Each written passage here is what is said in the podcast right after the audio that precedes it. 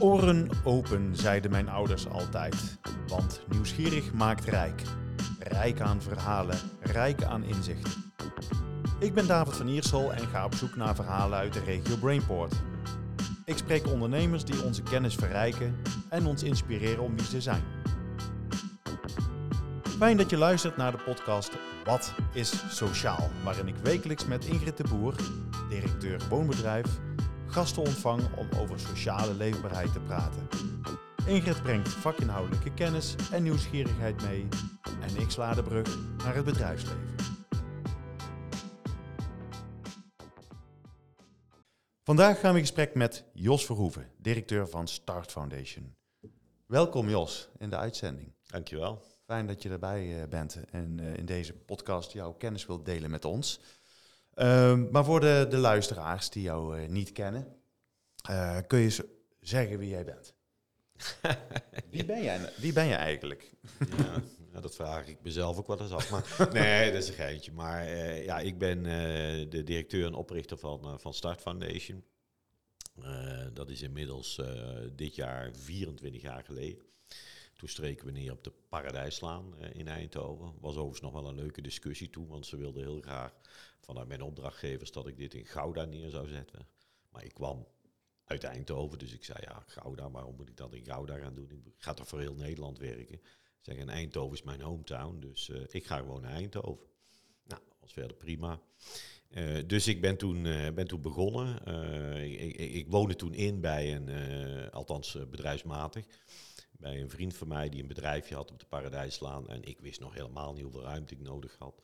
Dus uh, ik zeg, heb jij nog een kamertje over? Dus uh, toen ben ik daar op de Paradijslaan gestart. En later, dan maak ik even snel een sprongetje in de tijd, in uh, 2009. Toen had Tom Ausmus mij beloofd dat ik in de lichttoren terecht kon, maar dat kon niet. En dat ging uiteindelijk niet door. Dus toen kwam hij met klokgebouw. En nou ja, ik moest even door die rotzooi heen kijken toen. Maar uiteindelijk heb ik toen maar besloten om neer te strijken in het klokgebouw. En uh, dat was in 2009, juni 2009. Dus uh, daar zit ik tot op de dag van vandaag met heel veel plezier. Maar goed, het belangrijkste is natuurlijk, wat, wie ben ik, wat doe ik? Precies. Uh, Start Foundation is eigenlijk voortgekomen uit het oude uitzendbureau Start. Heeft er nu overigens helemaal niets meer mee te maken.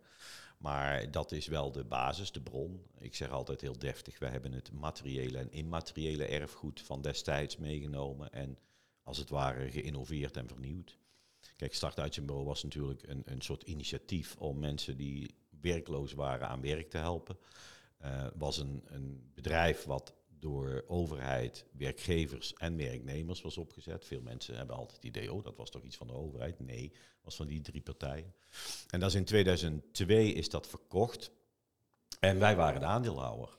Uh, dus wij, uh, wij kregen de centjes, uh, maar ook het gedachtegoed, hè, daarom het materiële en immateriële erfgoed. En de opdracht die ik destijds meekreeg in 98, toen het nog wel gelieerd was hè, aan het uitzendbureau, want wij waren toen ook de aandeelhouder en ontvingen dus dividend, was van investeer dat geld nou eens eigenlijk terug in de samenleving met datzelfde doel als waar dat start ooit voor opgericht was. Mensen helpen die niet vanzelfsprekend zelf in staat zijn om een baan te vinden op de arbeidsmarkt. Niet meer door uitzenden, door detacheren, mensen te begeleiden, maar door investeringen te doen in bedrijven en initiatieven die uh, dat mogelijk maken.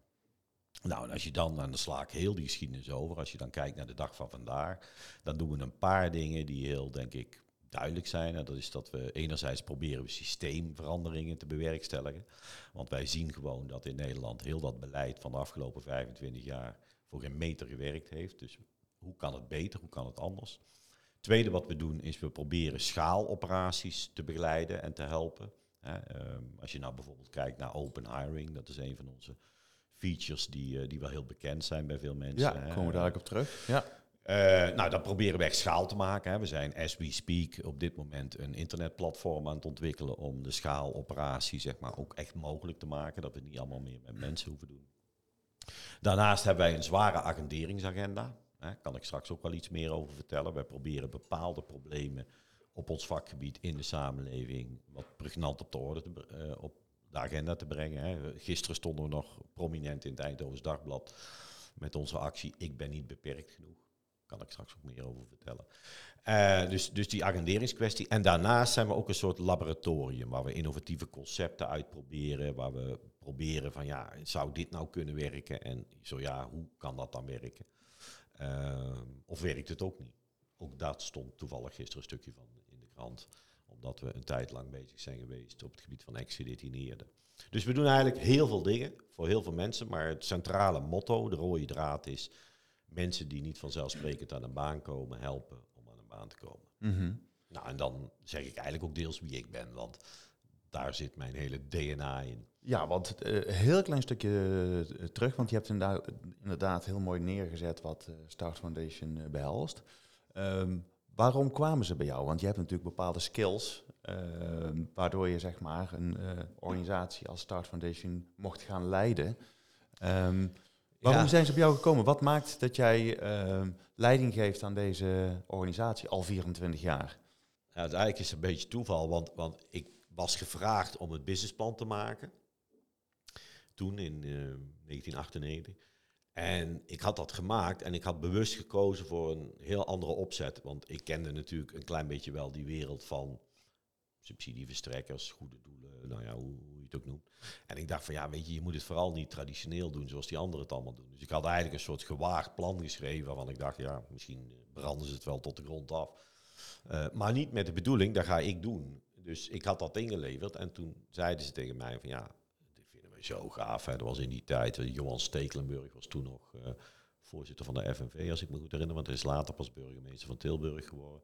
Bert de Vries, die oude minister van Sociale Zaken, zat daar toen in. En nog een mevrouw die uh, namens de werkgevers erin zat. En die zei, ja, vinden wij een superplan. Uh, maar, zeiden ze erbij, zou jij dat ook niet willen doen? En, en daar had ik echt geen seconde over nagedacht. En, wa en wat was dan, Jos, dat super? En wat was dan dat onderscheidende, waardoor men uiteindelijk gezegd heeft, dit wordt het? Wat, wat is dat unique selling point?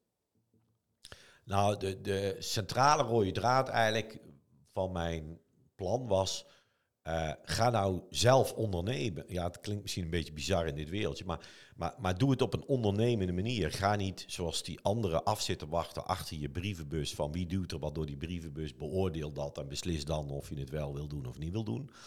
Maar, maar analyseer vanuit de, de feiten, vanuit de, de realiteit, vanuit wat er dagelijks overal gebeurt, wat je denkt dat er nodig is en initieer dat, jaag dat aan. Uh, je, bent, je bent onafhankelijk, dus maak gebruik van die positie. Nou, en dat was eigenlijk mijn USP in, in mijn plan, waarbij ik zei van ja, dat betekent dus dat je op een heel andere manier uh, gaat aanvliegen als dat de klassieke partijen dat doen, die gewoon afwachten wat komt er binnen. En als jij het hebt over je moet, over wie heb je het dan? Over de Start Foundation of over de mensen die werk zoeken? Nou, ik geef een voorbeeld. Dat is denk ik het uh, uh, duidelijkste. Want ik, ben er nog altijd heel trots op. Op dat eerste initiatief wat we gedaan hebben, is uh, dat was voor mensen met HIV. En dan moeten we even terug in de tijd, hè, 1998. Hè. Eigenlijk was dat de tijd dat, het, dat, dat net dat kantelpunt was gekomen dat de mensen niet meer doodgingen. Per definitie aan AIDS en HIV. Dus ik zocht toen contact met een aantal mensen uit die wereld. En ik zei toen van, goh, leven er bij jullie eigenlijk vragen over aan werk blijven, CQ aan werk komen? Nou, en dat was precies, uh, nou ja, soms kom je op het juiste moment bij de juiste mensen binnen. Want zij waren daar toevallig net over aan het nadenken. Want ze zeiden, ja, wij krijgen nu steeds meer vragen uit onze achterban daarover. Maar we weten eigenlijk niet goed wat we ermee moeten en hoe we ermee om moeten gaan. Nou, en wij hebben dat toen samen met elkaar uh, een plan voor gemaakt. En ja, joh, ik kan daar geweldige anekdotes over vertellen. Want ik weet nog dat we een persconferentie hielden in Amsterdam. En dat Johan en ik, Johan Stekelenburg en ik, moesten naar het toilet. En, en uiteindelijk stonden we in een of andere darkroom bij het COC. ik zei, ja, ik weet niet of dit het toilet is. maar, maar even om, om terug te keren naar jouw vraag. Dus, dus met name dat. dat. Dat was zeg maar een heel andere aanpak. Ik heb dus niet gewacht tot zij bij mij kwamen met een uitgewerkt plan. Uh, want dat had misschien nog wel jaren geduurd. Maar, maar ik was ze gaan opzoeken en ik had gezegd: Goh, leven er bij jullie vragen op dit terrein? Ja, dat was het verschil, denk ik. Nou, dan heb je het over 4, 25 jaar geleden. Maar even het stapje naar vandaag de dag. Ik zou bijna zeggen: er is werk zat. Hè? Ik bedoel, uh, Als ik kijk naar woonbedrijf, dan eh, hebben wij echt heel veel moeite om mensen te vinden. Ben jij nog steeds relevant? ja. Ja, dat is een hele goede vraag. Ik, ik had, gisteren had ik een, eh, een voorbespreking, want ik mag iets gaan presenteren bij uh, ledenraad van, uh, van de Rabobank over een paar weken. En die zei ook al tegen mij van ja, maar je zult toch echt je publiek mee moeten nemen in het feit dat dit een probleem is. Nou, ik kan daar heel lang en breed over praten, maar laten we eens even naar Eindhoven kijken. Want ik heb even wat huiswerk gedaan voor ik hier naartoe kwam.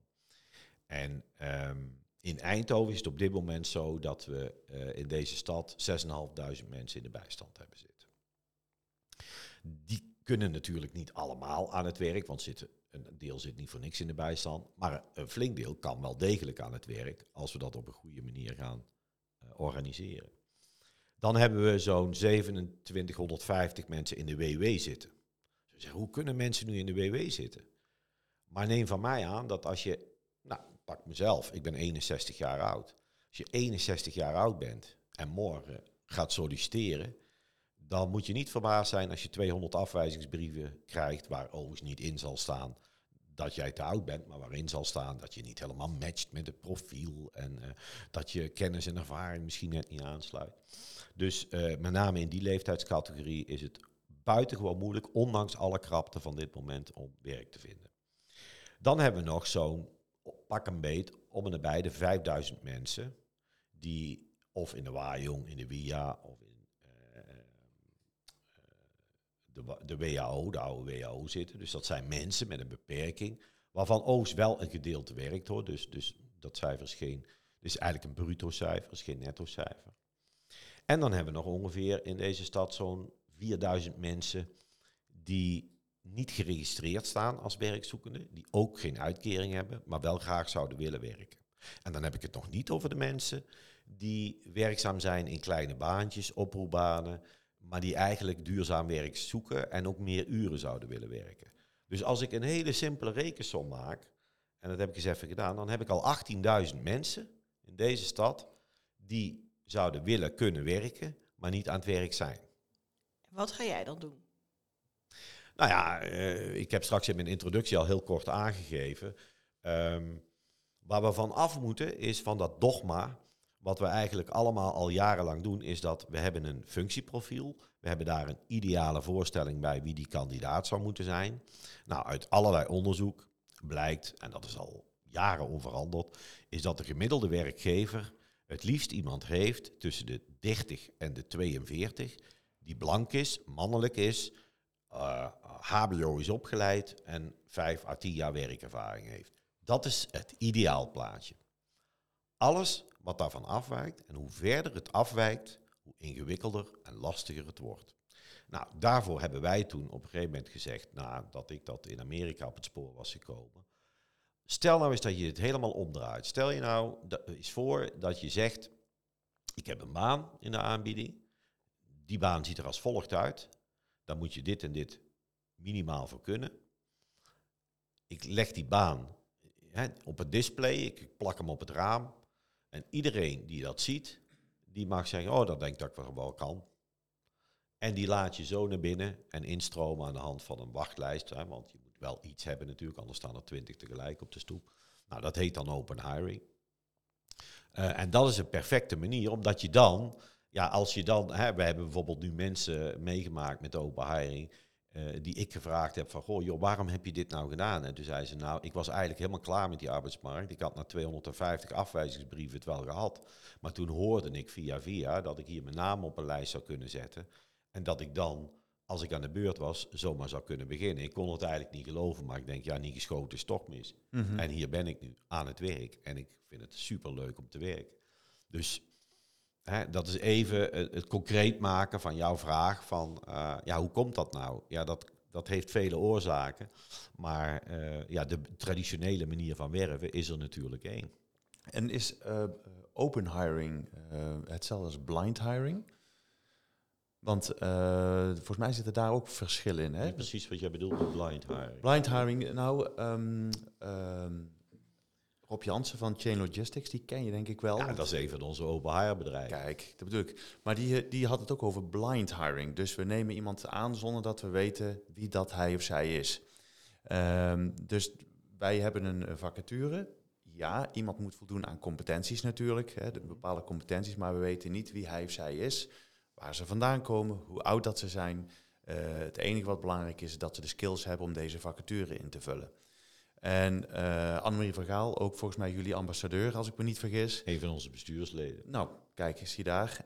Um, die gaf daar een, een, een, lezing over, maar ze hadden het ook over de blind hiring. Dus ik, ik, uh, ik las bij jullie dat het over open hiring ging. Ja, het woord blind hiring zegt mij helemaal niks. Ik heb er wel eens van gehoord. En ja. dat gaat meer over dat je persoonlijke gegevens weglakt in sollicitatiebrieven. Dus iemand reageert en dan zeg je, we, we uh, lakken even weg uh, de nationaliteit, de naam, de leeftijd. Omdat precies het voorbeeld wat jij ook gaf, Jos.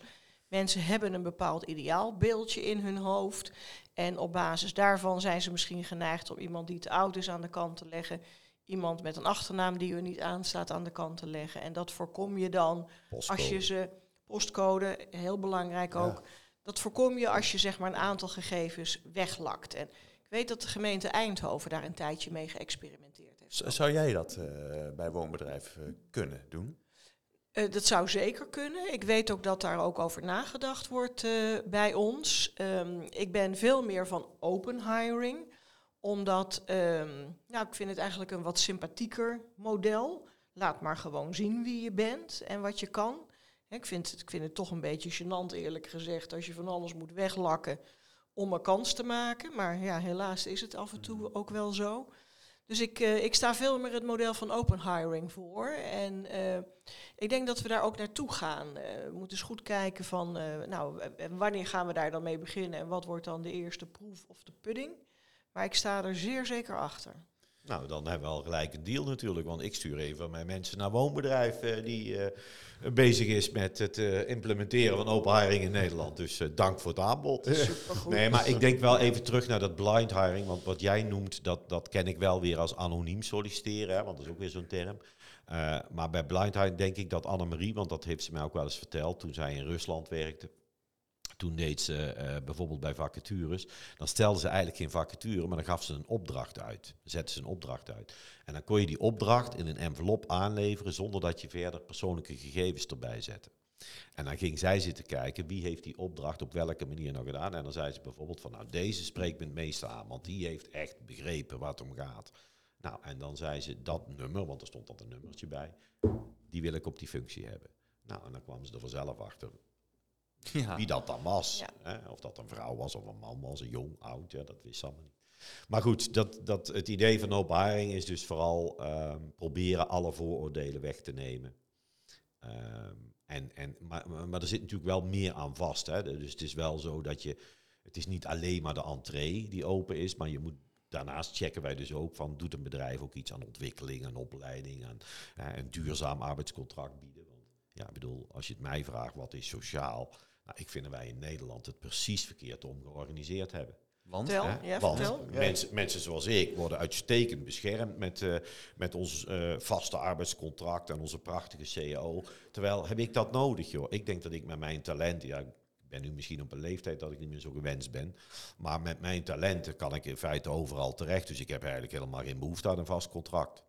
Terwijl als ik een heel klein inkomen heb en ik heb uh, niet zo heel veel gestudeerd, dan, dan heb ik juist veel meer behoefte aan bescherming. En die krijg ik dan niet, want ik word naar een of ander uitzendbureau gestuurd en ik kan van baantje naar baantje, waar elke keer meer waar moet afwachten of er werk voor me is en inkomen dus voor me is. Dus ik vind dat we dat eigenlijk fundamenteel verkeerd gedaan hebben. Nou, en daar even op doorgaand, um, ik heb ook nog een andere pet. Ik zit in het bestuur van Quiet Eindhoven. En daar proberen wij mensen die in armoede leven geluksmomentjes te geven, zodat ze een keer die ellende kunnen vergeten. En wat jij ook zegt van joh, als je al um, moeite hebt om rond te komen, als je al met heel veel onzekerheden moet leven, dan is het juist fijn als je wat meer zekerheden hebt. Want daar haal je zelfvertrouwen uit, je kunt beter meedoen in de maatschappij. Dus het zou inderdaad net andersom moeten werken. Dat je die mensen wat meer zekerheid biedt, waardoor ze uiteindelijk stabiliteit ervaren en ook kunnen groeien. Heb jij nou, want jij noemde in jouw uh, intrede, voorwoord, uh, laboratorium, dat jullie ook een soort laboratorium zijn. Ja. Heb je daar een, een voor, aansprekend voorbeeld van?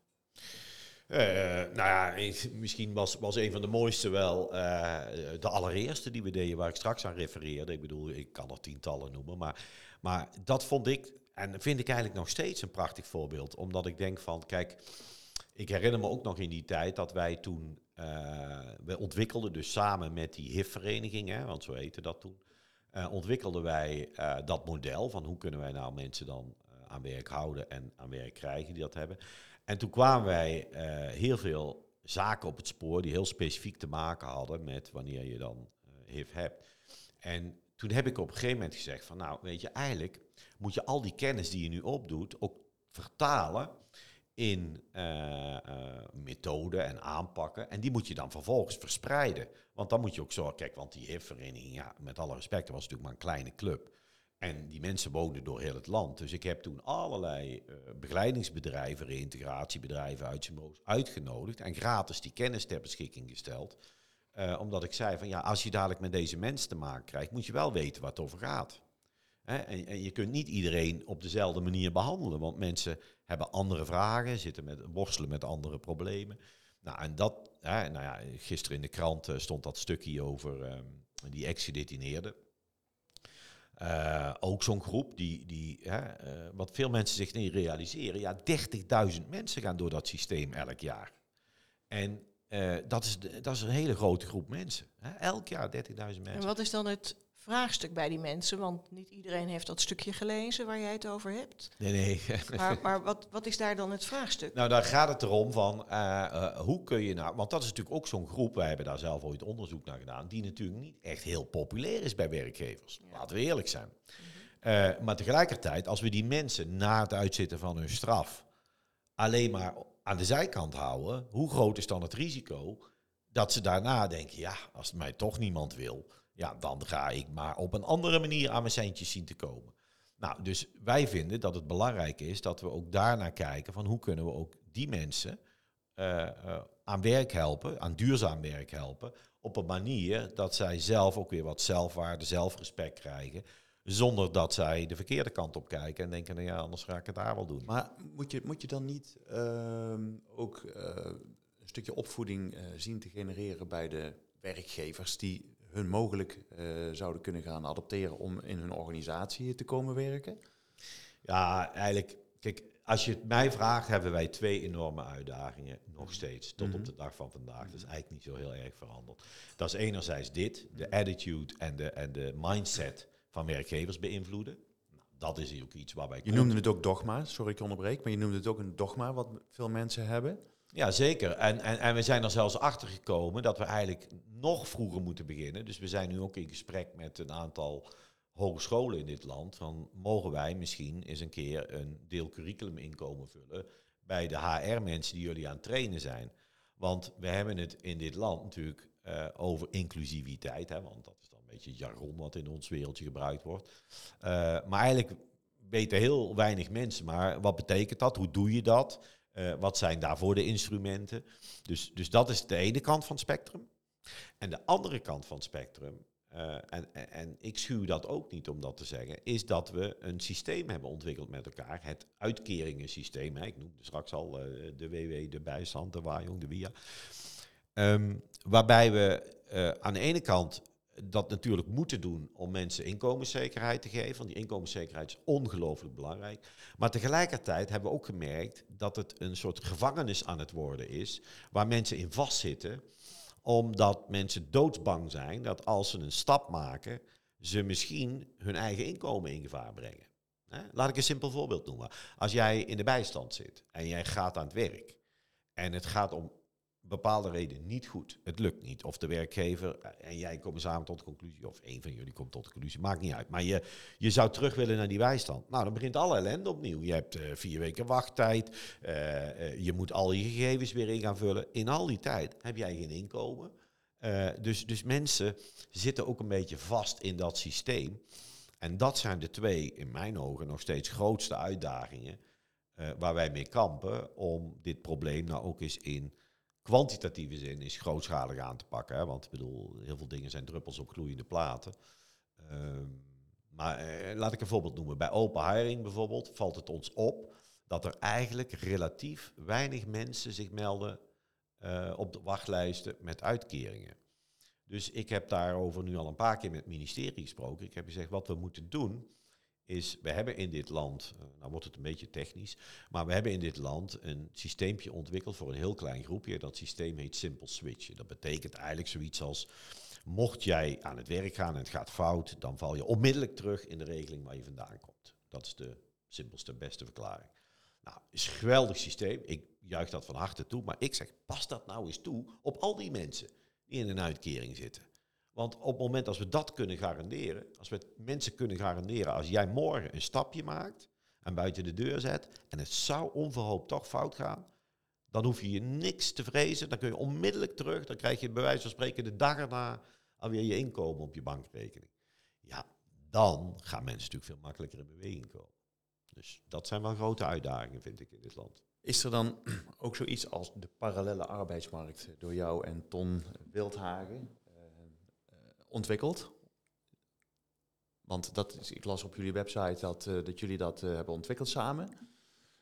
is dat ook om te anticiperen op om het, de, de, de, arbeidsmarkt te stimuleren? Dat mensen weer zeg maar vanuit hun positie weer aan het werk komen? Ja, in, feite is dat ook weer een klein stukje antwoord op de vraag van Ingrid net van wat is innovatie en wat is jullie laboratorium. Precies. Kijk, Ton en ik uh, uh, zaten een paar jaar geleden met de benen op tafel bij elkaar en we zeiden van ja, weet je, we blijven gewoon ongeacht alle wetgeving eigenlijk twintig jaar lang allemaal hetzelfde doen. En de aantallen, die veranderen eigenlijk nauwelijks. En op grond van die analyse hebben we toen gezegd van, we moeten ook reëel zijn. Hè? Economie en, en arbeidsmarkt in dit land is steeds meer topsport aan het worden. Dat heeft allerlei redenen en oorzaken. Dat is uh, de, de, marktwerking, de economie, hè, concurrentie op de wereldmarkt. Bedrijven moeten echt scherp aan de wind varen. Dat is, dat is nou eenmaal zo. Dat is één. Twee is, we hebben vrij ingewikkelde wet- en regelgeving die uh, nogal wat risico's bij werkgevers leggen. Ik bedoel, hey, ik ben zelf werkgever. Ik heb zelf al twee keer in die 23 jaar meegemaakt dat er iemand twee jaar lang ziek was. Heb ik moeten betalen. Ik kan het betalen, ja. Maar ik uh, denk dan aan mijn buurman die een MKB-ondernemer is en uh, drie mensen in dienst heeft. Ik denk, oh my god, weet je niet, die jaag je zo naar de rand van het faillissement. Nou, dus dat betekent dat, dat ondernemen is topsport. Er wordt heel veel gevraagd van mensen. Dat is de ene kant van het verhaal. Andere kant van het verhaal is dat er gewoon een hoop mensen zijn die daar niet in mee kunnen. Die daar nooit in zullen slagen. Omdat ze bepaalde beperkingen hebben, bepaalde restricties hebben, waardoor dat nooit gaat lukken. Wat doen wij? Wat is onze oplossing? Die mensen geven wij een uitkering. En we gaan vervolgens proberen om die mensen toch met heel veel uh, pleisters en verbandmiddelen en gips naar een bedrijf toe te brengen. En dan dat bedrijf smeken om dan, dan maar iets mee te gaan doen. Nou, dan krijg je situaties zoals, ik noem maar wat, ik heb net van jou uh, of van jouw collega een kopje koffie gekregen, maar nee, dan gaan we er maar iemand neerzetten die dan dat kopje koffie geeft. Nou, wij zeggen, Ton en ik zeggen dan eigenlijk van ja, wat een zinloze idiotie is dit, omdat we juist weten dat er ongelooflijk veel werk in onze samenleving ligt. Op het gebied van eenzaamheidsbestrijding, veiligheid, duurzaamheid. We hebben, weet ik hoeveel werk liggen, wat wij zinvol werk noemen waar geen economische business case voor te maken valt. En aan de andere kant besteden we miljarden elk jaar om mensen een met een uitkering thuis te laten zitten. Uh, en als we dan eens een keer bedenken om ze wat te laten doen, dan laten we ze papier prikken. Want iemand moet aan het schuldgevoel kunnen werken van ja, je moet niet denken dat je dit voor niks krijgt. Dus wij hebben gezegd, die idiotie, die bouwen wij om in een nieuw model. En wij zeggen dat model is eigenlijk een soort parallele arbeidsmarkt, waarin we mensen een serieuze kans geven om bij te dragen aan de samenleving en een baan te krijgen, zodat ook zij trots zijn uh, op wat ze doen. En daar, nou ja, dat noemen wij dan parallele arbeidsmarkt, maar dat is maar even voor wat zin in neem. Uh, maar wij geloven daar heilig in dat we op die manier zeg maar, heel veel win-win kunnen maken, zowel voor individuen aan de ene kant en aan de andere kant voor de samenleving. Wij naderen langzaam maar zeker het einde van dit bevlogen gesprek en ik, eigenlijk merk ik dat ik nog honderdduizend vragen heb. Um, Ingrid, als jij zou moeten resumeren, wat we hebben geleerd in deze podcast, wat neem jij mee Ehm, wat ik meeneem is omdenken. je zit toch als, als ondernemer, ook wij bij Woonbedrijf, vaak op sporen die al heel lang ingesleten zijn. En je moet een keer een momentum creëren waarop je zegt, nou gaan we het anders doen. Dus ik vind echt in het verhaal van Jos zitten zoveel aanknopingspunten dat ik zeg van nou, daar gaan we eens even mee aan de gang bij Woonbedrijf. Nou, dat klinkt heel goed, Jos. Een, uh, een korte antwoord uh, richting het slot. De toekomst. Je hebt toch een aantal jaar te gaan. Wat is je missie voor de komende jaren? Nou, die is eigenlijk onveranderd. Hè? Die blijft, hè?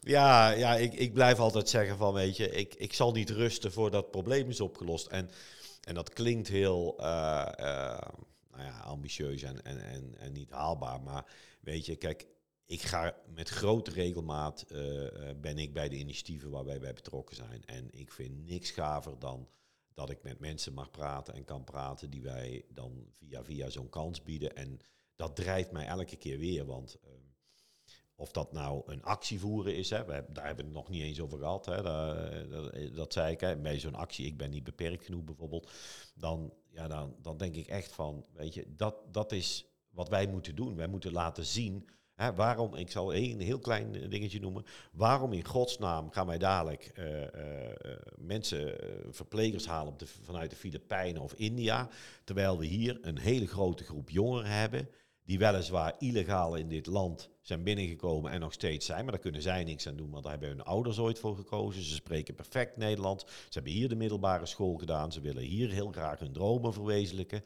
Maar als ze 18 zijn, dan houdt het allemaal op. Want ze mogen niet meer naar school of ze moeten uh, een collegegeld van 20.000 euro ophoesten. En die rijke Chinees, die zegt mijn zoon of dochter, die stuur ik lekker naar Nederland, want dan kan hij mooi aan de Technische Universiteit in Eindhoven studeren. Uh, die trekt gewoon de portemonnee en die krijgt in, in no time een verblijfsvergunning voor vijf jaar, vier jaar studie en één jaar extra. Uh, ja, dat is toch fundamenteel onrechtvaardig. Nou, zolang als dat gebeurt, kom ik mijn nest uit om daar een end aan te maken. Jos, dankjewel. Tot zover deze aflevering van Wat is Sociaal? Dank voor het luisteren.